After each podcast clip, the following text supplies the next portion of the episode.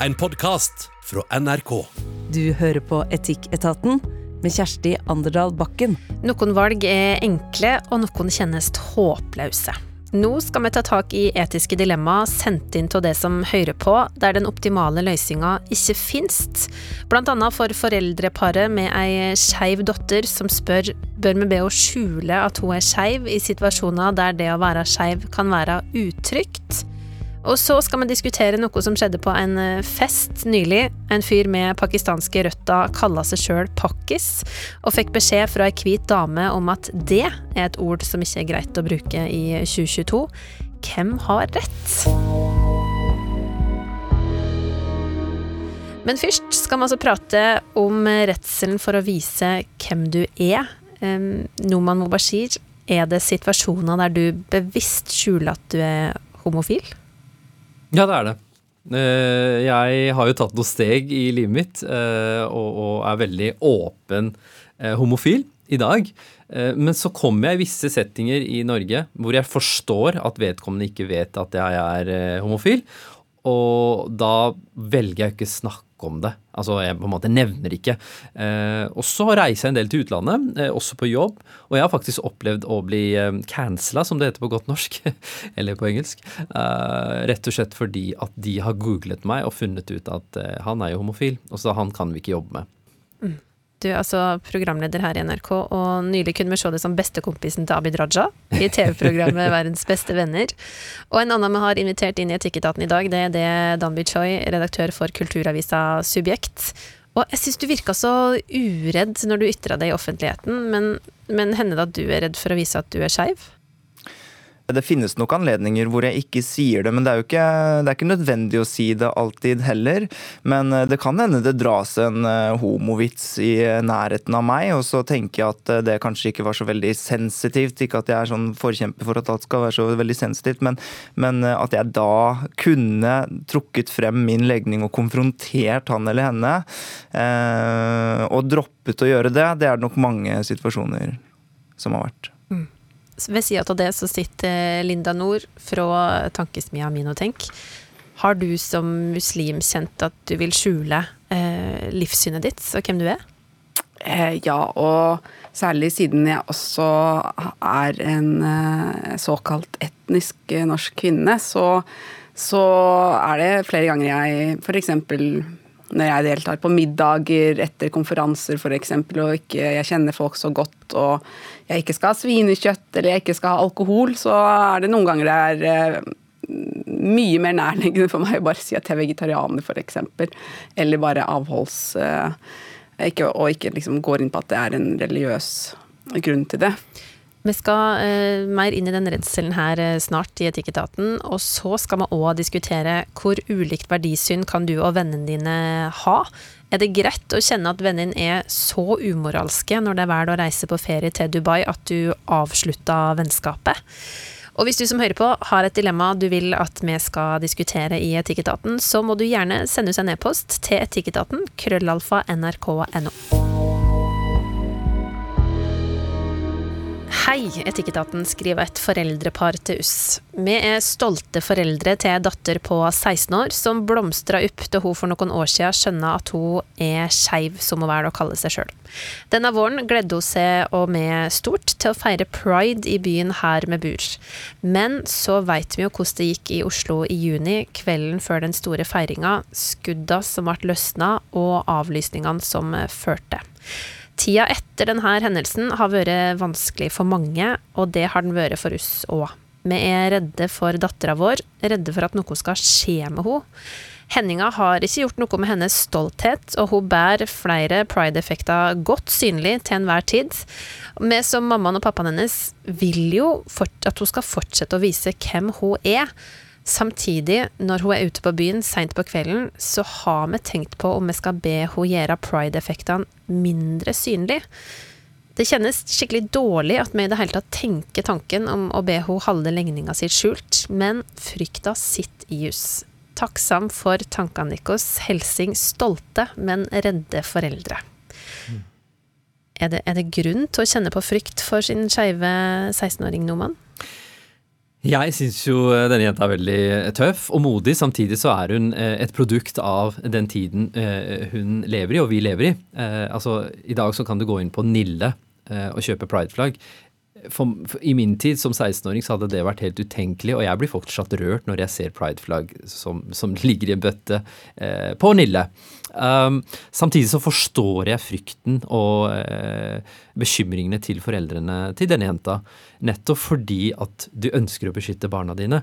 Men jeg tenker at vi alltid skal lære barna våre, eller ruste dem med en del verktøy. Vi må fortelle dem at selv om vi bor i Norge, hvor du kan være homofil, du kan være åpen og trygg og stolt, så fins det mennesker som kan skade deg. Det fins mennesker som ikke er enig med deg og din ledning og legning og i din, din, ditt på, på, en måte liv, da. Og, og, da tenker jeg man må bruke sunn fornuft innimellom, og være street smart. Street smart, veldig viktig. Uansett hvor du bor i verden. Så, så hvis man er, kommer i situasjoner, er på visse steder hvor hvor det kan bli en utfordring, eh, så hadde ikke jeg f.eks. gått med et armbånd. Og i en eh, undersøkelse som Statistisk sentralbyrå gjorde i fjor, viser at det er tre ganger så mange ikke-heterofile som er urolig for vold eller trusler der de bor, sammenligna med heterofile her til lands.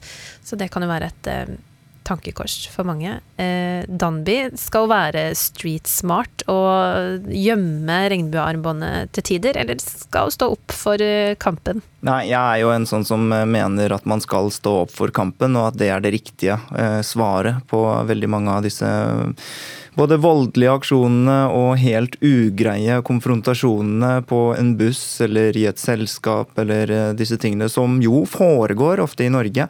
Jeg hadde liksom litt lyst til å si til dette foreldreparet at eh, ja, selvfølgelig er det velment, men, men skal man også mm, fraråde dem å gå ute i trafikken? Skal man, det er veldig mange ting man også um, skal droppe å gjøre for sikkerhets skyld, men noen ting er liksom enda viktigere å gjøre likevel, og det er jo det som er er etiske vurderinger. ikke sant? Hvilke hensyn og hvilke hensyn er mest tungtveiende. Da mener jeg egentlig at eh, hvis vi sammen fortsetter å bruke pride-effekter, eh, så er det egentlig det beste svaret også på et terrorangrep. Jeg, så, jeg har jo en sånn eh, greie selv hvor jeg hver, hvert år kjøper 30 bøker og deler ut til eh, noen følgere. Eh, og i år så var det etter angrepet på eh, forfatter Salman Rushdie, som har skrevet en islamkritisk bok, og han ble angrepet og knivstukket på scenen. og Etter det så mente jeg at bøkene hans ble enda viktigere. og Det man ville med det angrepet, er jo egentlig at man ikke skal lese disse bøkene, og da syns jeg svaret egentlig skal være å lese dem. Og i år så har jeg tenkt å Jeg blir jo fattig etter hvert, men, men jeg har tenkt å gjøre det to ganger, fordi at akkurat nå i USA så er det LGBT-bøker som konservative aktivister hamstrer fra bibliotekene for å utilgjengeliggjøre dem for publikum. Og Da mener jeg riktig, den riktige måten å svare på er å lese mer, oppfordre mer. Det er et sitat som heter A book worth banning is a book worth reading. Og jeg tenker også Det om, det er så utrolig viktig at vi står sammen og bruker pride-effekter. Ekstra viktig når, når, folk prøver å gjøre det enda skumlere. Da. Så jeg mener det er viktigere i år enn tidligere år at man feirer pride. Men det er jo da eh, snakk om en 16-åring. Skal hun alltid måtte stå i den kampen der og utsette seg sjøl for risiko? Jeg, jeg syns hun, utsetter altså hun er modig som gjør det. Og så er det jo um, Jeg syns det er kult at hun gjør det. Og så hva er det hun trenger da? Jeg mener hun trenger støttende foreldre mer enn hun trenger moraliserende foreldre. da. Uh, og, og, selvfølgelig så ønsker de henne det beste. Det, jeg, jeg, er helt overbevist om det basert på det innlegget de sender inn. Men samtidig så, så, så mener jeg at det, det, er ikke stor nok sikkerhetsrisiko. Det er, vi må passe på å ikke la oss skremme for mye også. Mm. Men uh, altså jeg kjenner sjøl at etter 25.6 så har det kommet fram så mange historier fra det skeive miljøet om hendinga der folk har vært eh, redde, blitt slengt dritt til, til og med liksom banka opp pga. legninga mm. si her til lands. Og jeg har tenkt at Norge er forholdsvis eh, trygt og greit. Det må gå fint an at en mann kysser mannen sin uten at det skaper noen reaksjoner ute på byen. Jeg tror kanskje det er flere med meg som har vært litt naive og kanskje fått en reality check etter at denne historien har kommet fram. Kjenner du det igjen i det, Linda? Ja, vi eh, i Minotenk deler jo lokaler med Skeiv verden. Så vi er ikke overraska over de historiene som ble eh, på en måte tatt ut i offentligheten, fordi de historiene har eksistert lenge. Det er bare at ikke allmennheten har vært eh, kanskje interessert nok i, i det, dessverre. Og selv om pride har blitt en veldig sånn mainstream greie veldig fort, og sant, kommersielle aktører har tatt det inn. Og det, jeg er jo av de som mener det er en positiv ting. Eh, men det er noe med å også faktisk huske at dette her handler om menneskers hverdager, og om de små kampene man må ta hver dag når man skal faktisk gå ut av døra og utsetter seg for eh, små og potensielt store ubehageligheter eh, som en synlig minoritet. Og jeg tenker jo at Noe av det viktigste vi som samfunn kan gjøre, er jo nettopp at vi må være mye mer bevisste når sånne ting skjer rundt oss. At vi, for jeg for eksempel personlig føler nesten at det er lettere å gå med et pride-armbånd enn f.eks. å gå med hijab. Fordi at Jeg gikk med hijab i to år, og de ubehagelighetene jeg møtte med det, det var så mye vondere å takle, fordi det også liksom angikk jo meg veldig personlig. Um, og spesielt hvis det skulle handle om mine barn, så hadde jeg jo vært enda mer uh, sår på det. Men om jeg blir liksom uh, Jeg er jo ikke skeiv, men om jeg får noen ubehageligheter av å, uh, av å støtte den skeive bevegelsen, så føler jeg at det er faktisk litt lettere for meg å stå i det. For det, det, det liksom treffer jo ikke meg sånn helt personlig.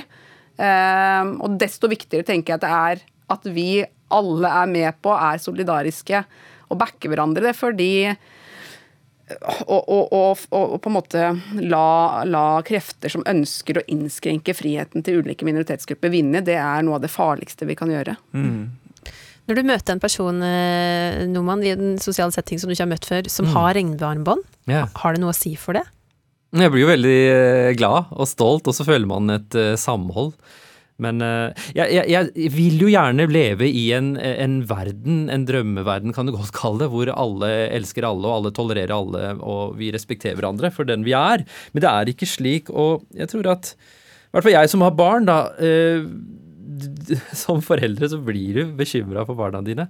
og da kommer du til og med med råd som kanskje strider imot eh, grunnleggende prinsipper som du vanligvis følger, nettopp fordi du ønsker å beskytte barna dine. Mm. Og så kan du godt si at eh, ja, men det er, det er, viktig at vi står opp for våre rettigheter, og at vi ikke skal la oss eh, eh, kue og vi skal gjemme oss vekk. Men altså, skjer det barnet ditt noe, hvis han eller hun blir slått ned på gata, eller i verste fall blir drept, da, da, glemmer du alle disse prinsippene. Og Derfor så tror jeg det ligger latent i oss at vi ønsker å beskytte barna våre. og Derfor så er disse foreldrene bekymra for sin 16-årige datter. Men jeg håper, håper at vi alle kan få gå med akkurat det vi ønsker. Eh, det er, en av de tingene jeg har fryktet eh, mest etter eh, terroren i Oslo 25.6, var jo også homofiles ytringsfrihet. fordi at det, det, er klart at et sånt angrep har en nedkjølende effekt. Ytringer er også hvordan vi kler oss og ter oss og ytrer oss og oppfører oss. og og det er klart at eh, mange homofile og lesbiske og andre skeive vil eh, føle det veldig ubehagelig å være seg selv og uttrykke hvem de er, eh, fordi at han tilsynelatende gikk etter nettopp hvordan folk tedde seg og oppførte seg, og hvor de var. Så, så jeg mener at Uh, ja, det at den, men, Hva er den eneste kuren mot det? Jo, det er uh, vanskelig nok. Uh, jeg skal ikke si at dette er enkelt. De eneste som tar feil i akkurat det spørsmålet her, må jo være de som tror det er kjempeenkelt. for det er det ikke. Og det er naturlig å tenke at, de, at, man, at man utsetter barnet for noe ved å støtte dem. Men sånn i stort så mener jeg at det er det viktige her. Og i, det, i en sånn etisk vurdering så tenker jeg at det, um, For å si det som Sokrates uh, til og med, det blir kanskje for stort og litt sånn livsfjernt, men sånn, det er viktigere å dø stående enn å leve kneblet, altså. Men jeg tenker likevel at eh, denne jenta er 16 år, vi er voksne. Så, så, det handler igjen om, ikke sant, som voksen, der skal du stå rakrygget, der skal du kjempe for dine rettigheter. Men du kan ikke forvente det av en 16-åring. Nei, nei, det skjønner jeg veldig godt, og det er nesten litt sånn komisk. fordi dere, dere har jo barn, jeg, jeg, ser for meg liksom meg sitte i ungen min 10 år, eller 16 år. Nei, det er bedre å dø stående enn å leve kneblet, gå ut med de pride-detaljene, liksom. Eh, selvfølgelig, det her er jo helt uh, rått, som i, som i litt sånn hjerteløst å si si. Men, men bare for å være litt sånn prinsipiell og, og, ja, og i en sånn teoretisk, etisk verden, så tenker jeg det er viktigst. Mm. Heime rundt middagsbordet til så sånn Skriv en kronikk om det, hvis ja. du mener noe skikkelig hardt. Ytre det. Tør du ikke å gå i pride-detaljer nå? Nei, det her er ikke lett, og det er jo derfor vi diskuterer det også. Det er jo ikke sant? Det er, det er viktige og vanskelige temaer. Men eh, Linda, helt til slutt, tenker du at foreldrene skal snakke om frykten de sitter med til 16-åringen eh, sin, eller bør det være noe der liksom tar skje imellom, og så må hun få lov til å leve i sin stolte verden? Jeg syns egentlig de bør være litt forsiktige med å overføre den eh, til datteren, fordi eh, barn eh, lever jo veldig I hvert fall når de er små, så tolker jo de verden gjennom foreldrene. Og etter hvert så vil jo de fortsatt se til foreldrene, og foreldrene, foreldrenes vurderinger vil veie veldig tungt. Og hvis de viser eh, Og, og, og vi, vi, må på en måte Akkurat når det gjelder terrorisme, eh, så er det noe som er iscenesatt nettopp for å skape en egentlig litt irrasjonell frykt. Mm, mm. Det er på en måte terrorens teater. Uh, og det er veldig forståelig at man blir det, men vi, vi, må ikke la det vinne, fordi da har også terroristene vunnet. Og, og, det er så klart det er vanskelig å si det til barn. Hvis barna selv er, altså hvis hun selv hadde vært veldig redd, da syns jeg man, man må, må, ta det på alvor og kanskje snakke om hvordan hun skal håndtere den frykten, og kanskje møte den frykten. For jeg syns det er veldig viktig at man ikke skal la livet sitt begrense eh, seg av terror. F.eks. etter eh, terrorangrepet på moskeen i Bærum så var det jo id dagen etter. Det skulle jo egentlig skje på id, men heldigvis skjedde det ikke på id, for da hadde det blitt et blodbad. Eh, da tok jeg med barna eh, og dro på id-bønnen, eh, selv om det sto masse politi utenfor med maskingevær. Fordi at jeg følte det var så viktig å konfrontere den frykten. For ellers så var jeg redd for at kanskje den kom til å bli sittende så i oss at vi kom ikke til å tørre å gå på sånne samlinger eller gå til moskeen etterpå. Og, og det, er, altså det, må man bare gjøre. Man må ta tilbake Man må ta tilbake Utøya. Man må gjøre disse tingene. Eh, og så må man, hvis man føler at det begynner å begrense livet sitt, så må man kanskje også da få profesjonell hjelp til å, å face den frykten. Og vi er tross alt veldig heldige i Norge, for tross alt er det relativt trygt her. Mm. Det, er, eh, det, er, nok andre I andre land ville jeg kanskje gitt helt andre typer mm. råd mm. På, på, disse tingene her. Men skal vi gjøre til neste dilemma med her i Etikketaten. Nå skal det handle om et ord som jeg kjenner at det knyter seg litt sånn i magen til å si, nemlig pakkis. Eh, hvem har egentlig lov til å si det? Det skal panelet i Etikketaten, som sitter her sammen med meg, som heter Kjersti Anderdal Bakken, få diskutere nå. Og panelet består altså av redaktør i Subjekt Dambi Choi, Linda Nord i Tankesmia Minotenk og sosialantropolog, det er det også, og Noman Mubashir, som er programleder her i NRK, blant annet for et program der du reiste på kryss og tvers av Pakistan, der du har eh, røtter. Nylig var altså Abu Bakar Hussain på en eh, fest, forteller han til Aftenposten. Og Abu kjenner sikkert mange fra annet Med all respekt på P3 og Sofa på TV 2. Og på den festen her så omtaler han seg sjøl som pakkis. Da fikk han høre 'det kan du ikke si'. Og hun som reagerte var ei hvit jente, trolig fra vestkanten i Oslo. Abu han svarer da jeg kan si det, du kan ikke si det, fordi det er folk som det som har laga det ordet her. Nå har vi tatt det tilbake. Og Abu han er da født i Pakistan, der han bodde i et halvt år fram til han flytta med familien sin til Norge. Og vi spør da er det greit å bruke ordet pakkis. Noman, bruker du det ordet om deg sjøl? Nei, det gjør jeg ikke. Um, og for å være helt ærlig så syns jeg faktisk ordet er veldig utdatert. Altså For meg er det barndommen, ungdomstida. Da brukte folk det ordet. Samtidig så fortalte jo min eh, datter meg at det var en jente som brukte det på skolen eh, nylig. Eh, og hun brukte det om meg, faktisk. At du kan gå hjem og sladre til pakkispappaen din. Så da ble jeg litt satt ut, for jeg trodde ikke at det ordet eksisterte. Og så sier da en annen jente som står der, hva betyr pakkis? Så det sier jo litt om hvilken tid vi lever i. Eh, jeg syns generelt at ordet er litt utdatert, og jeg syns også det er litt underlig at Abu fortsatt bruker det. Men nå er jo Abu også blitt en litt voksen mann, da, så kanskje han har dratt det med seg eh, fra sin barndom og sin ungdom. Eh, jeg er også tilhenger av at vi tar ord, skjellsord, da, tilbake og ufarliggjør de ordene og bruker det om hverandre. Blant annet så var homse i sin tid et skjellsord. Nå er det veldig mange homofile som bruker det om hverandre. Men jeg syns det er vanskelig å bruke pakkisordet. Eh, Og når jeg sier det også, så føles det veldig rart og nesten litt sånn vondt, fordi jeg selv har blitt kalt eh, pakkis eh, mange ganger opp gjennom i, i oppveksten. Alltid som noe negativt, eller har det også vært et nøytralt ord? Mm, alltid i negativ forstand, det har det. Um, og jeg husker som for mange år etter, da jeg jobbet i NRK og var ute med en gutt, og vi skulle lage en annen sånn slalåmsak, jeg husker ikke hva det helt gikk ut på. Og, og så skulle jeg ha på meg en lue, øh, fordi det var kaldt i skibakken. Og da hadde vi sittet i bil sammen i mange timer, men jeg kjente han ikke fra før. Så ser han på meg, så sier han 'Å, nå så du skikkelig pakkis ut'. Og da kjente jeg at hjertet sank litt, og jeg ble litt satt ut, for da var jeg på jobb, da skulle jeg være profesjonell, og da bare lo jeg med. Eh, men samtidig så syns jeg det var veldig unødvendig og irriterende at han brukte det ordet.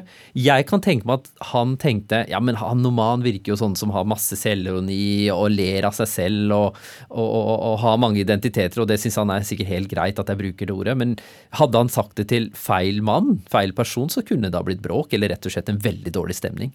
Linda, hadde du reagert hvis du hadde hørt at noen brukte ordet pakkis? Ja, altså jeg hører det jo relativt ofte fordi jeg har en veldig stor eh, norsk-pakistansk familie, og der brukes det jo litt sånn selvironisk som et litt sånn derre eh, Litt som man kan bruke sånn når man skal liksom snakke om noe stereotypisk, altså liksom sånn derre å ha en stor, fet eh, dyr bil, eller og, altså liksom, Da kan man si litt sånn internt Å, han er så pakkis, han er opptatt av å ha en fet bil og flashe typ, at det liksom men Det er en sånn sant, det er en intern greie. Jeg selv ville liksom ikke brukt det og tenke at det er greit, og jeg ville definitivt sagt ifra hvis noen eh, ikke-pakistanere bruker det. Og det som er viktig å huske, at det ordet ble jo brukt også av mange andre enn pakistanere. Ja. Liksom, det ble brukt eh, litt som det der begrepet i Danmark som pære, som ble egentlig liksom sikter til folk fra Midtøsten, men det blir brukt om alle med brun hud.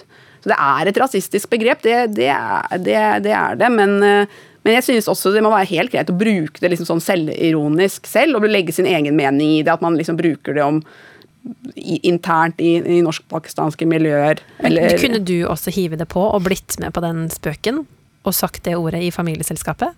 Eller er du Nei, nei, nei. nei. Nei. Eh, og jeg tenker at det er eh, Jeg tenker at det er veldig viktig at jeg eh, Det er liksom og, når man har barn, da.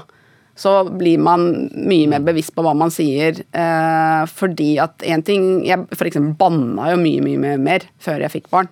Jeg prøver jo å redusere det eh, nå. Og det er jo også andre uttrykk som er mye, litt mer interne, da, som f.eks. pendo.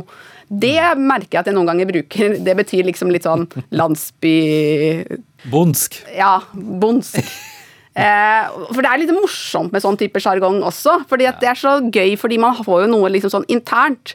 Men det er liksom, ja, det er, det er maktstrukturer som til syvende og sist mener jeg avgjør hvorvidt noe er greit å bruke eller ikke. Og, og det er eh, Storsamfunnet har brukt det begrepet for å liksom sette, en, eh, sette innvandrere på litt sånn på plass. da. Danby, hva tenker du om den situasjonen eh, som skjedde på festen her? Eh, Det er litt provoserende, egentlig, fordi eh, jeg mener jo at eh, det er litt rart at noen ord skal kunne brukes av noen, og ikke av andre osv., men kulturelt så har det alltid vært sånn. Det blir enda mer påtatt og enda rarere om vi liksom skal sette begrensninger på det. Eh, Og det viser seg jo bare ved at ingen av oss eh, rundt dette bordet bruker det noe særlig gledelig eller med stolthet, eh, og det er liksom til og med ubehagelig å sitere det, eh, slik du også har brukt det. Vi eh, fikk en gang kritikk i Subjekt for å ha brukt eh, N-ordet i et eh, sitat. Og jeg mener jo at eh, det også liksom beskriver egentlig hvor eh, betent det, disse ordene er. Eh, Og ser for meg at man i en film f.eks. må kunne bruke det for å vise hvor eh, ille eller hva slags ord folk bruker, og man må være liksom ekte. Eh, Så man må klare å skille mellom hvordan man bruker disse ordene også. Så er Det jo ikke, det går jo ikke an å lage noe lovverk, og det skal vi være veldig forsiktige med å ikke gjøre, men eh, liksom hvor man sier at noen kan bruke det og ikke. Men sånn kulturelt mener jeg f.eks. at hvis noen skal bruke det, så er det typisk en pakistansk komiker. Um, og om ikke hvem som helst, men faktisk en komiker. ikke sant? Så, så jeg mener at når Abu bruker det, så er det med, med en viss grad av å knuse et eller annet tabu, eller vise et eller annet kulturelt bakteppe, eller et eller annet sånn. Um, så, og så blir det liksom morsomt eh, komisk, nesten, at eh, han da skal irettesettes av en eh, hvit dame og attpåtil fra vestkanten, og, som skal belære han, ikke sant. Og, og jeg tenker at Jeg syns ikke begrunnelsen Abu ga var noe særlig god, men, men, men, Og det er veldig vanskelig å forklare dette. Sånn er det ofte med kultur. Det er liksom form og farge og sånne utrolig mange aspekter som er litt vanskelig å snakke om, og hvorfor skal han kunne gjøre det, mens andre ikke kan gjøre det. og sånn, Men jeg mener at det er nytt begrep i enkelte tilfeller. Og hvis det er utdatert i dag, så kan det jo brukes for å betegne noe utdatert. eller for å, eh, noe sånt. Men det er, sant, sånn som alle andre ord, så spørs det litt sånn hvordan du sier det. Ja, for det, det, er jo også litt sånn upedagogisk da, at noen skal få bruke det, og ikke andre. Ja, og så hører du det, og så nettopp. tenker du å, er det legitimt? Er det ja. liksom tilbake på moten? Er det greit? Ja, ja, men jeg mener at ja, det er upedagogisk, men dessverre sånn må det være. Vi kan ikke leve i en verden hvor alt er så enkelt og svart-hvitt heller. Og vi mennesker er kompliserte. Vi klarer å skjønne disse nyanseforskjellene. Jeg tror også mange gjør seg vrange når de sier at hæ, hvorfor kan du si det og ikke jeg? Jeg tror de selv skjønner det.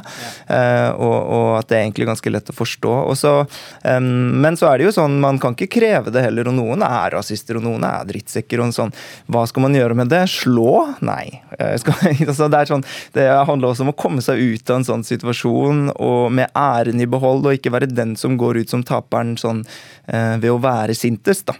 Eh, ved å være den som eh, blir mest rørt heller. Så det er jo også derfor det krenkebegrepet kom inn. fordi det handler også litt om sånn eh, ikke la deg skade. Og det er liksom lettere sagt enn gjort også. Lettere sagt å være sånn på en hvit hest og være prinsipiell alltid, men, men jeg syns også man kan prøve å være det. Jeg syns f.eks. ekvivalenten chipper eller japse eller sånne ord brukt mot meg liksom sånn det, det, er veldig dumt. da, For meg så prøver jeg å tenke sånn herregud, for en ukultivert fyr. For en, en, som ikke skjønner En som ikke er street smart. En som ikke er musikalsk. Eh, og hvis du klarer å komme ut av den situasjonen med så god selvtillit og samvittighet, da har du vunnet, ikke sant? I stedet for å eh, eskalere dette til noe enda verre, hvor du egentlig kommer verre ut. da.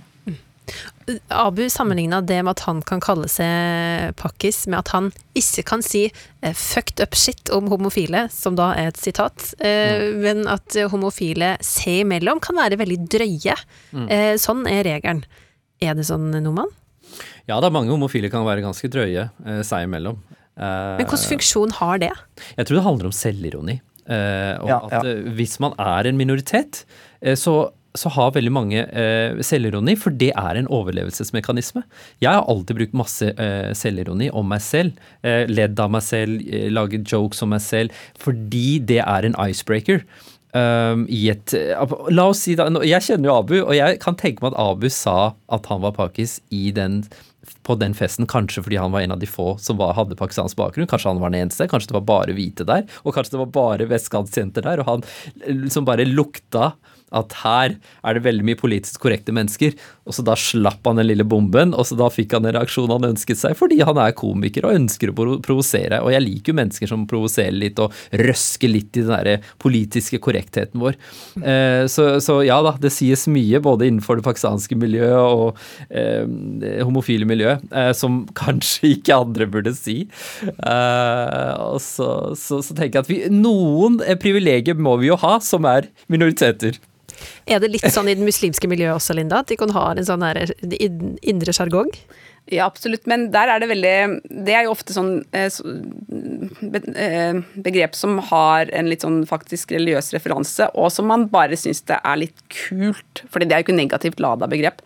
Så det er ofte begrep som man bare syns det er kult av veldig mange andre adopterer, og det gjør de på østkanten. Sier jo alle wallah og inshallah og mashallah og Det er på en måte sånn det er, det er, helt eh, vanlig at også ikke-muslimer bruker det på østkanten. Uh, og vestkanten, faktisk. Og også vestkanten.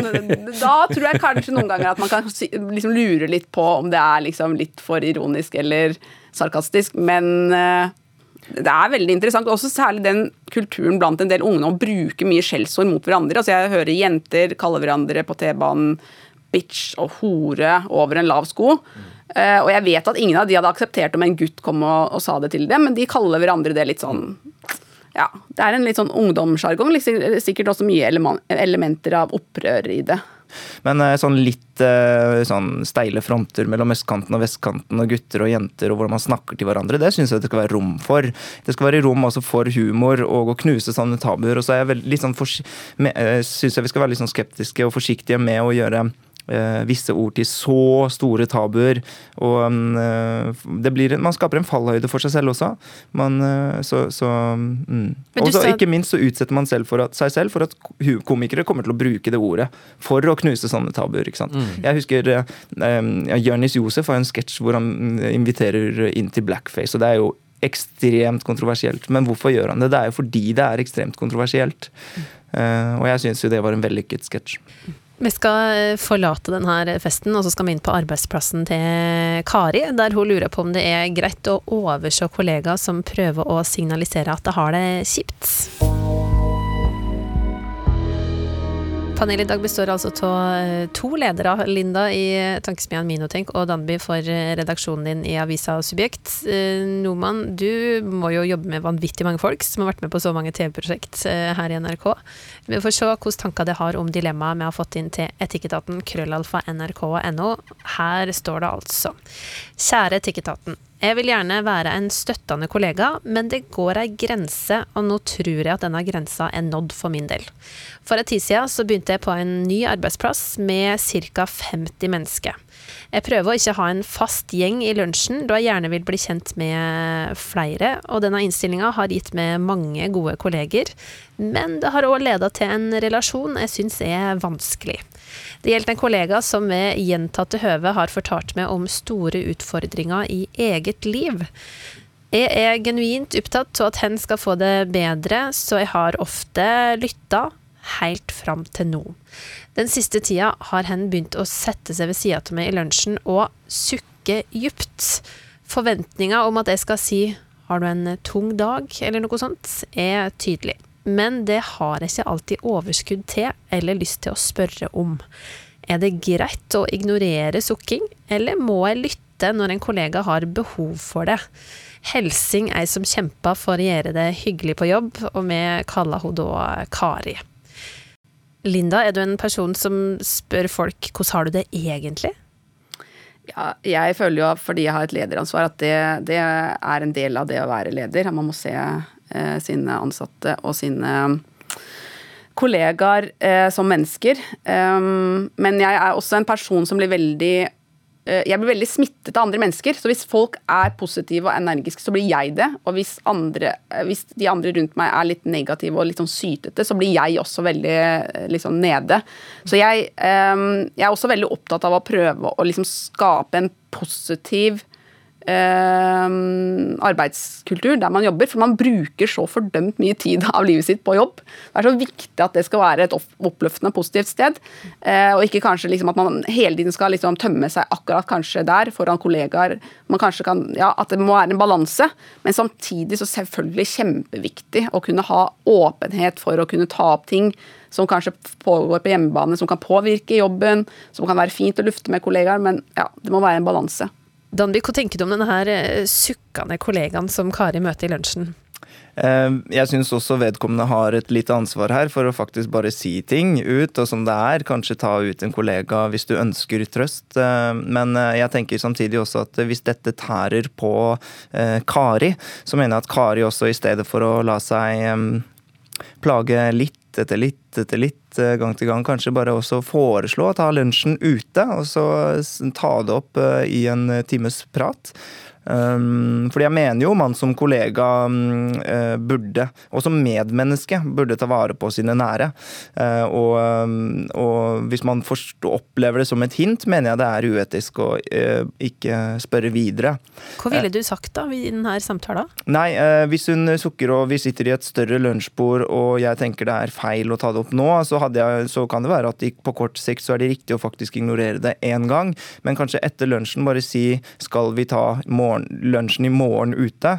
Um, og så bare gravde de det, og så prøvde å bli eh, ferdig med det på sin måte, som i at man f.eks. anbefaler å snakke med sjefen eller med kjæresten sin eller med noe Altså prøve å finne ut av hva det er, da. Fordi her er det jo så mye uavklart.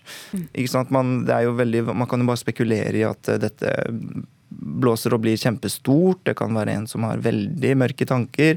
Eh, men det kan også være en som bare ønsker oppmerksomhet. Så få det, få det litt sånn avklart.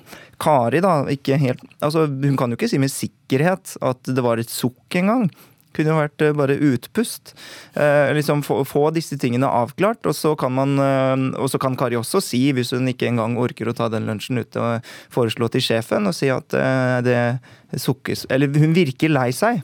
Min kollega virker lei seg. Kanskje man skal ta en prat med han eller henne. Og så kan jo sjefen også da selvfølgelig si at det er noen som mener det, og det er jo riktig sånn kildemessig. Uh, og jeg tenker um, sånne ting burde man ta tak i før det blir et stort problem. Er du enig, Linda, i at uh, vi har et moralsk ansvar her? Ja, vi har det. Uh, men det også, hvis jeg skal være litt sånn kjønnsstereotypisk, da. Jeg har alltid vært litt sånn, i hvert fall når jeg var yngre, jeg var veldig sånn guttejente. Uh, og jeg merker bevisst at jeg også gjennom hele livet egentlig har liksom valgt å ha menn og gutter som venner og kompiser. Vet, det, vi vet jo psykologisk at kvinner er mye flinkere til å dele med hverandre, og at det får masse positive gevinster. Men prisen med det, med å være kvinne, da, er jo at du også må være den som liksom er sånn hobbypsykolog ofte. Eh, og jeg merker at det, det er eh, noen ganger litt slitsomt. Så um, det, man må i hvert fall prøve å hindre at det i hvert fall utvikler seg en slags sånn sytekultur. For det kan noen ganger bli liksom et sånn mønster at man liksom at, åh, Akkurat som noen snakker automatisk om været, eller noen snakker om sport, eller sånn, at man, at, at man tror at det er smalltalk å snakke om det, liksom det man sliter med. Hvis det bare er at man er nedfor fordi det er kaldt ute, eller man har litt vondt i hodet, eller sånn, så er det faktisk liksom veldig mye som kan også endre seg med bare med positiv innstilling. At man kan tenke nei, det er ikke verdens undergang, og så heller fokusere på noe positivt. Så, så det er jo det, Jeg føler kanskje det er litt det hun sikter til her. At det er blitt en sånn greie, på en måte. At det er sånn åh, det blir alltid liksom det de alltid skal snakke om. Mm. Og det er jo ikke helt sunt, tenker jeg. Eh, fordi det er jo veldig mye annet interessant å snakke om også. Og noen ganger så vil en liksom bare se på Friends og ete popkorn, på en måte, og ikke lese Knausgård. Det er noen ganger at det er litt tungt å gå inn i tunge samtaler. Men Noman, har hun en plikt til å bli med på det her hvis hun kjenner at hun ikke får noe ut av det sjøl? Det er jo vanskelig da, spørsmål, men jeg tenker at uh, for det første, har Kari overskudd? Til å lytte til sin kollega som sliter på et eller annet plan i livet. Eh, hvis du har overskudd, så tenker jeg at, vi, eh, at hun bør hjelpe fordi at hun kan selv komme i en situasjon hvor hun har det vanskelig en gang, og da trenger hun hjelp eh, eller et lyttende øre fra andre kolleger. Og så er jo vi veldig opptatt av mental helse for tiden. Vi har nettopp hatt verdens psykiske helsedag, og det som da kommer fram i alle kampanjer, er ikke sant, se deg rundt, Eh, er det noen som sliter? Lytt til dem, snakk med dem. Det er mange som er ensomme der ute. Og da blir det litt sånn dobbeltmoralsk at vi på den ene siden ønsker så mye fokus, eller vi, at vi alle ønsker å gjøre noe med dette problemet, denne utfordringen, da at mange sliter mentalt i dag. Um, samtidig som vi ikke orker da å høre på kollegaen vår som har det vanskelig. Men et råd til Kari er jo del litt av deg selv. Altså Hvis de, du sliter med noe som du tenker at det, det, har jeg ikke lyst til å dele med noen på arbeidsplassen, del. Fordi da kan dere få en veldig god samtale dere imellom, og da kanskje det letter litt av det trykket hun føler fra sin kollega. Kanskje kan det være en test også for om hun liksom bare blir Nettopp. brukt som en søppelbøtte? Ja, fordi hvis hun da bare sier ja, ja, og så går hun over til seg igjen, da sliter vi. Fordi at jeg tror at hvis du, har, du sliter i livet ditt, så har enkelte mennesker en tendens til å eh, bli så selvfokuserte at de glemmer at mennesker rundt de også har utfordringer. Og det jeg vil råde Kari til å ikke gjøre, er å snakke med andre om det.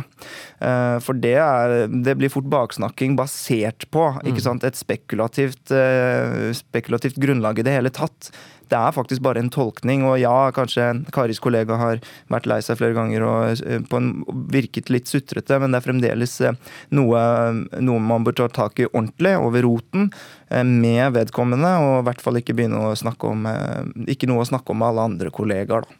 bare legge det fram for Etikketaten anonymt. Ja, det er jo selvfølgelig helt ok, og jeg, jeg syns det er prisverdig at det tas opp eh, anonymt, og også at eh, man kan ta det opp som et dilemma, fordi jeg tror det er veldig mange som kjenner seg igjen i det. Det er sikkert mange som har en sånn kollega. Nordmenn eh, jobber i gigantiske bedrifter over det ganske land.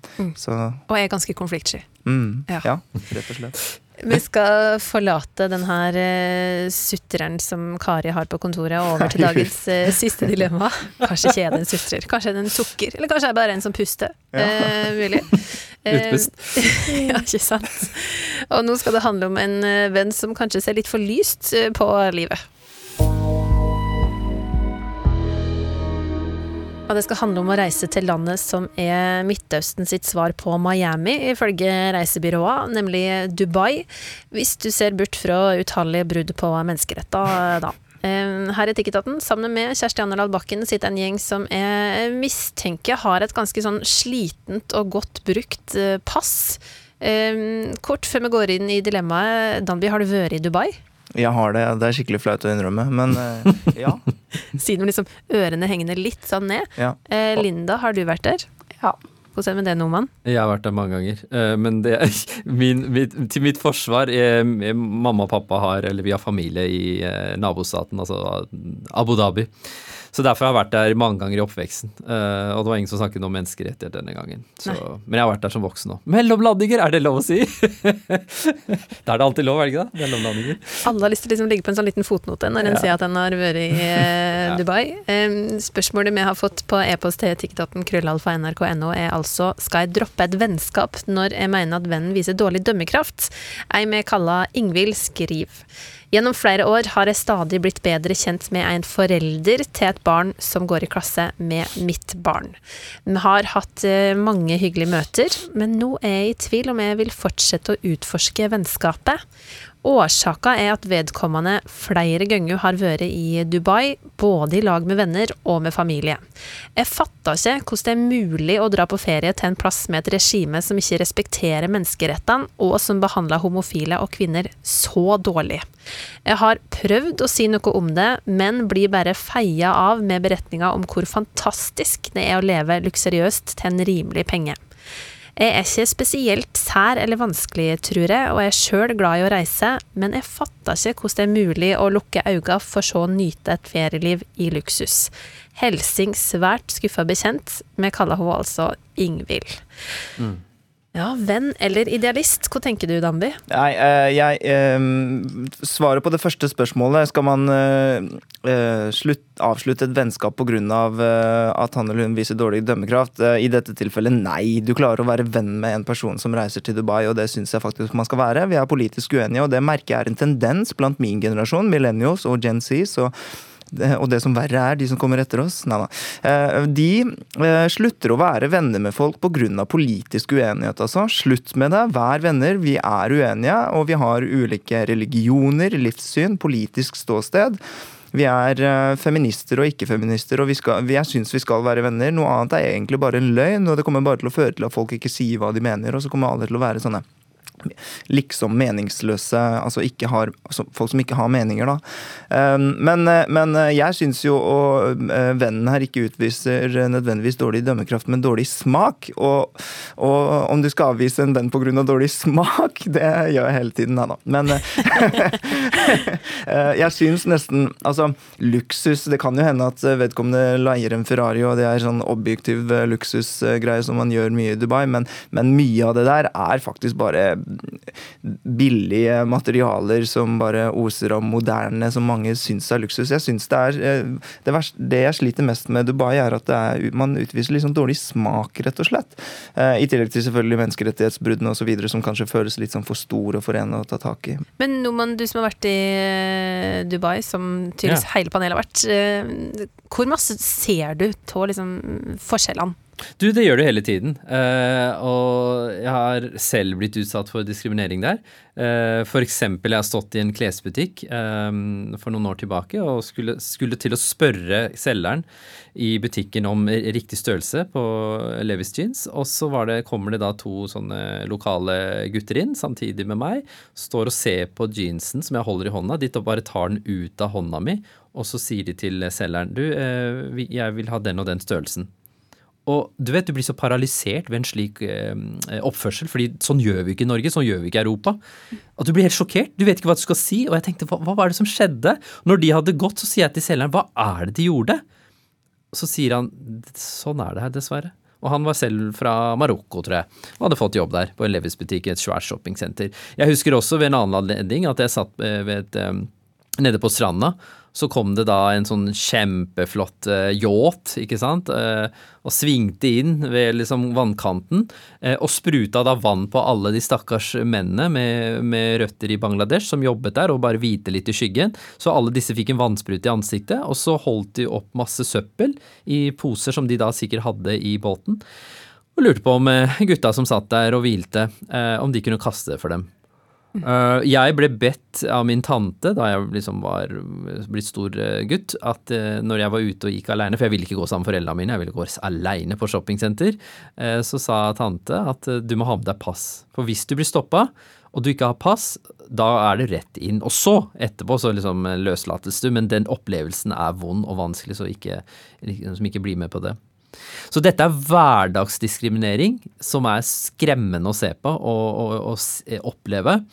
Um, og jeg kommer ikke til å dra til Dubai igjen, uh, og jeg burde ikke ha dratt de siste par gangene også. Eh, Linda, hvor, hvor ulikt verdisyn kan du ha uh, fra vennene dine?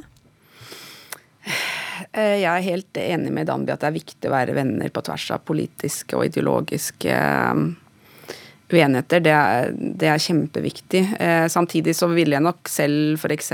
igjen etter jeg fikk barn det, det, er et eller annet som skjer da. Eh, f.eks. har jeg en sånn rød linje på rasisme. At ikke f.eks. familiemedlemmer eller slektninger eller andre rundt barna skal si noe rasistisk til dem. Eh, det, da ville jeg satt et ultimatum at skjer det igjen, så ser du ikke oss igjen. Eh, men sånn type reise hit eller altså Jeg er f.eks. veldig enig i at influensere bør ha et bevisst forhold til at liksom de driver og promoterer Dubai som feriemål, for det er, eh, det er problematisk. Eh, jeg f.eks. elsker USA, men jeg kritiserer jo også ofte menneskerettighetsbrudd og amerikansk utenrikspolitikk.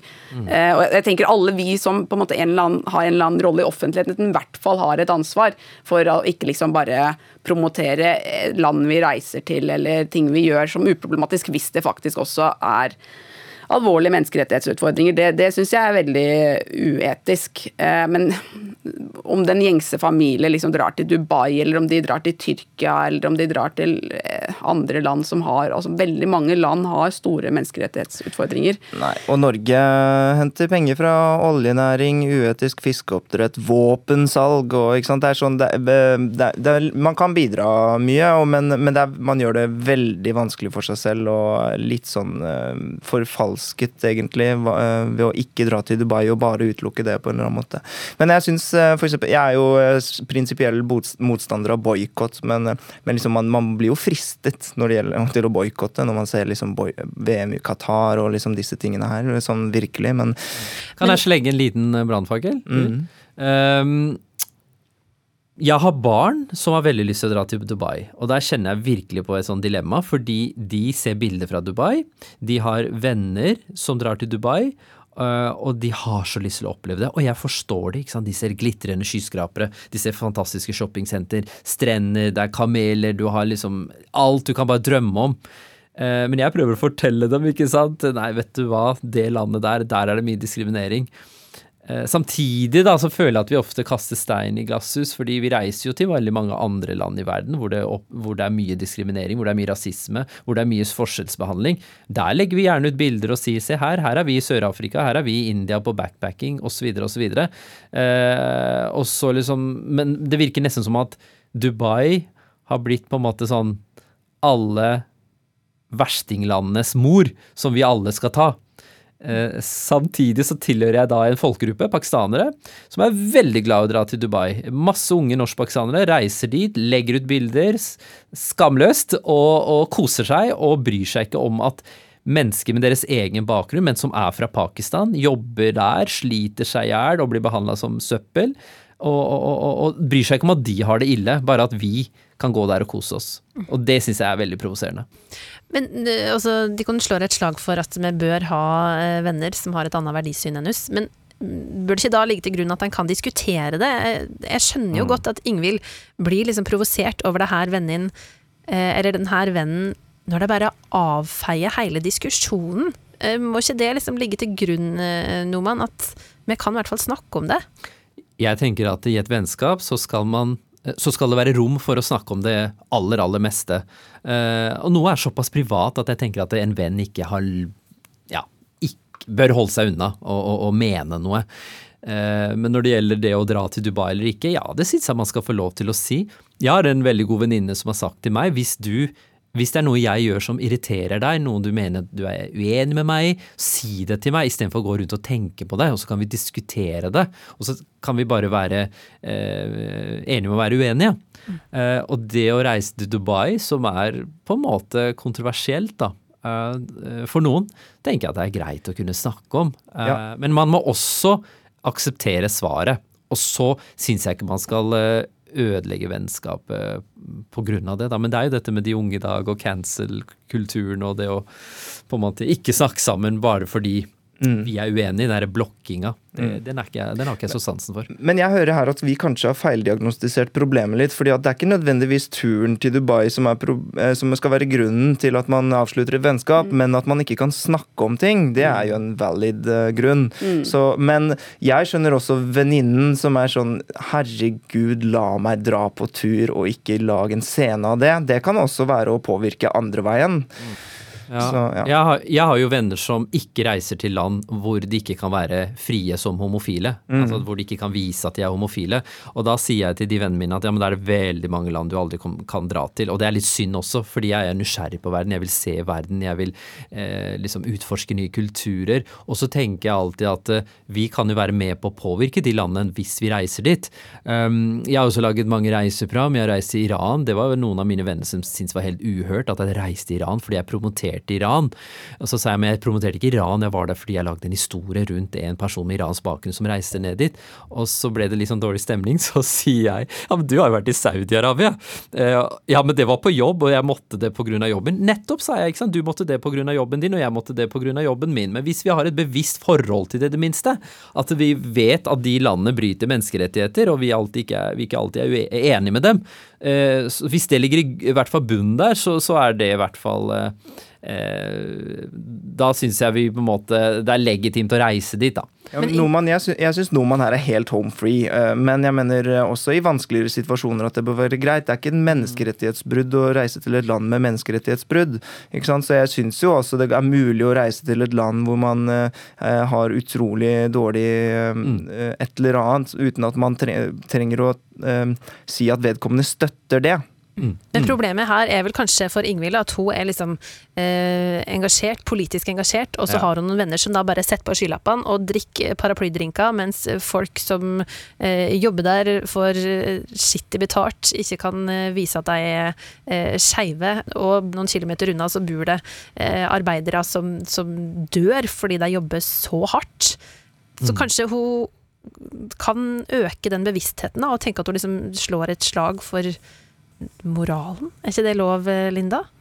Jo, jeg, jeg kjenner jo det jo mer vi snakker om det, at hvis jeg hadde hatt venner som bare dro dit for å nyte, og at det liksom At de, at de liksom nekter å ta inn over seg realitetene med landet, så tror jeg vi hadde hatt så lite til felles at det å liksom faktisk ha et vennskap eh, ville vært vanskelig. Ikke at jeg ville liksom kutta dem ut så, i bekjentskapskretsen, men for meg er det å ha en viss samfunnsbevissthet, og i hvert fall når vi er innbyggere av et av verdens mest rikeste og frieste land, hvis ikke vi i det minste liksom tenker et par ganger ekstra eh, over menneskerettighetsbrudd, og vi er så fordømt privilegerte at vi, vi på en måte virkelig bør eh, Altså, vi kan, vi kan jo faktisk Vi har et pass vi kan reise over hele verden. Vi trenger ikke å støtte turistindustrien i et liksom så problematisk sted. Um, så jeg, jeg kjenner jo at litt sånn, Jo mer vi snakker om det, så kjenner jeg nok at jo, jeg kunne kanskje faktisk ha liksom ja, trukket meg litt unna hvis noen ikke engang ville snakket om det. Fordi det, da er det ikke noen vits hvis man ikke man kan altså Jeg mener man skal kunne være venner, men da må man også kunne liksom ha de uenighetene framme i lyset. Mm og, og snakke og, og, diskutere og kanskje til og med krangle om det. Men apropos etikk og sånn, alle filosofer opp igjennom har jo sagt at uh, man skulle De har liksom drømt om å være dumme, ikke sant. Dum og deilig, liksom. Og hvis du ikke Altså, etikk er jo kunsten å skille eller vurdere godt og ondt, og hvis du ikke vet, slik en hund ikke kan være uetisk, uh, så kan du faktisk ikke noe for det, da. Og det da er det ikke en etisk beslutning lenger. Og det er derfor også filosofer har tenkt at uh, så lenge jeg ikke vet, Eh, så er det greit. Så disse er jo veldig heldige, de som bare helt naivt drar til eh, Dubai. og Det er litt sånn provoserende, egentlig. Og det er vel det vi merker, at disse to verdenene møtes. En som tenker over det, og en som ikke tenker over det. Og, og jeg tenker jo i all den tid jeg selv også moraliserer eller oppfordrer andre til å leve sånn og sånn hver dag ved å skrive kommentarer og sånn, som alle vi tre gjør, eh, så tenker jeg jo at vi bør kjempe for større bevissthet. Og at det krever også at man skal lytte til hverandre og sånn. da. Der fikk du replikken din, Ingvild. Du er heldig, du som er så naiv. Ikke sant? det blir uh, ingen Dubai-spesial, høres det ut som, av Etikketaten med den gjengen her. Da skurra det i det moralske kompasset, men det er alltid veldig fint å ha med dere fra Norsk Jord. Dalby Choi, redaktør i kulturavisa Subjekt. Linda Nord, leder i tenketanken Minotenk, og Noman Mubashir, kollega her i eh, NRK. Eh, neste uke er vi tilbake med et nytt panel, og fram til da må du gjerne sende oss etiske dilemmaer som vi kan diskutere, enten fra eget liv eller noe du ser eh, i media. Adressa vår det er etikketaten krøllalfa nrk.no. Jeg heter Kjersti Anderdal Bakken, og vi høyrest neste uke. Du har hørt en podkast fra NRK. Hør flere podkaster og din favorittkanal i appen NRK Radio.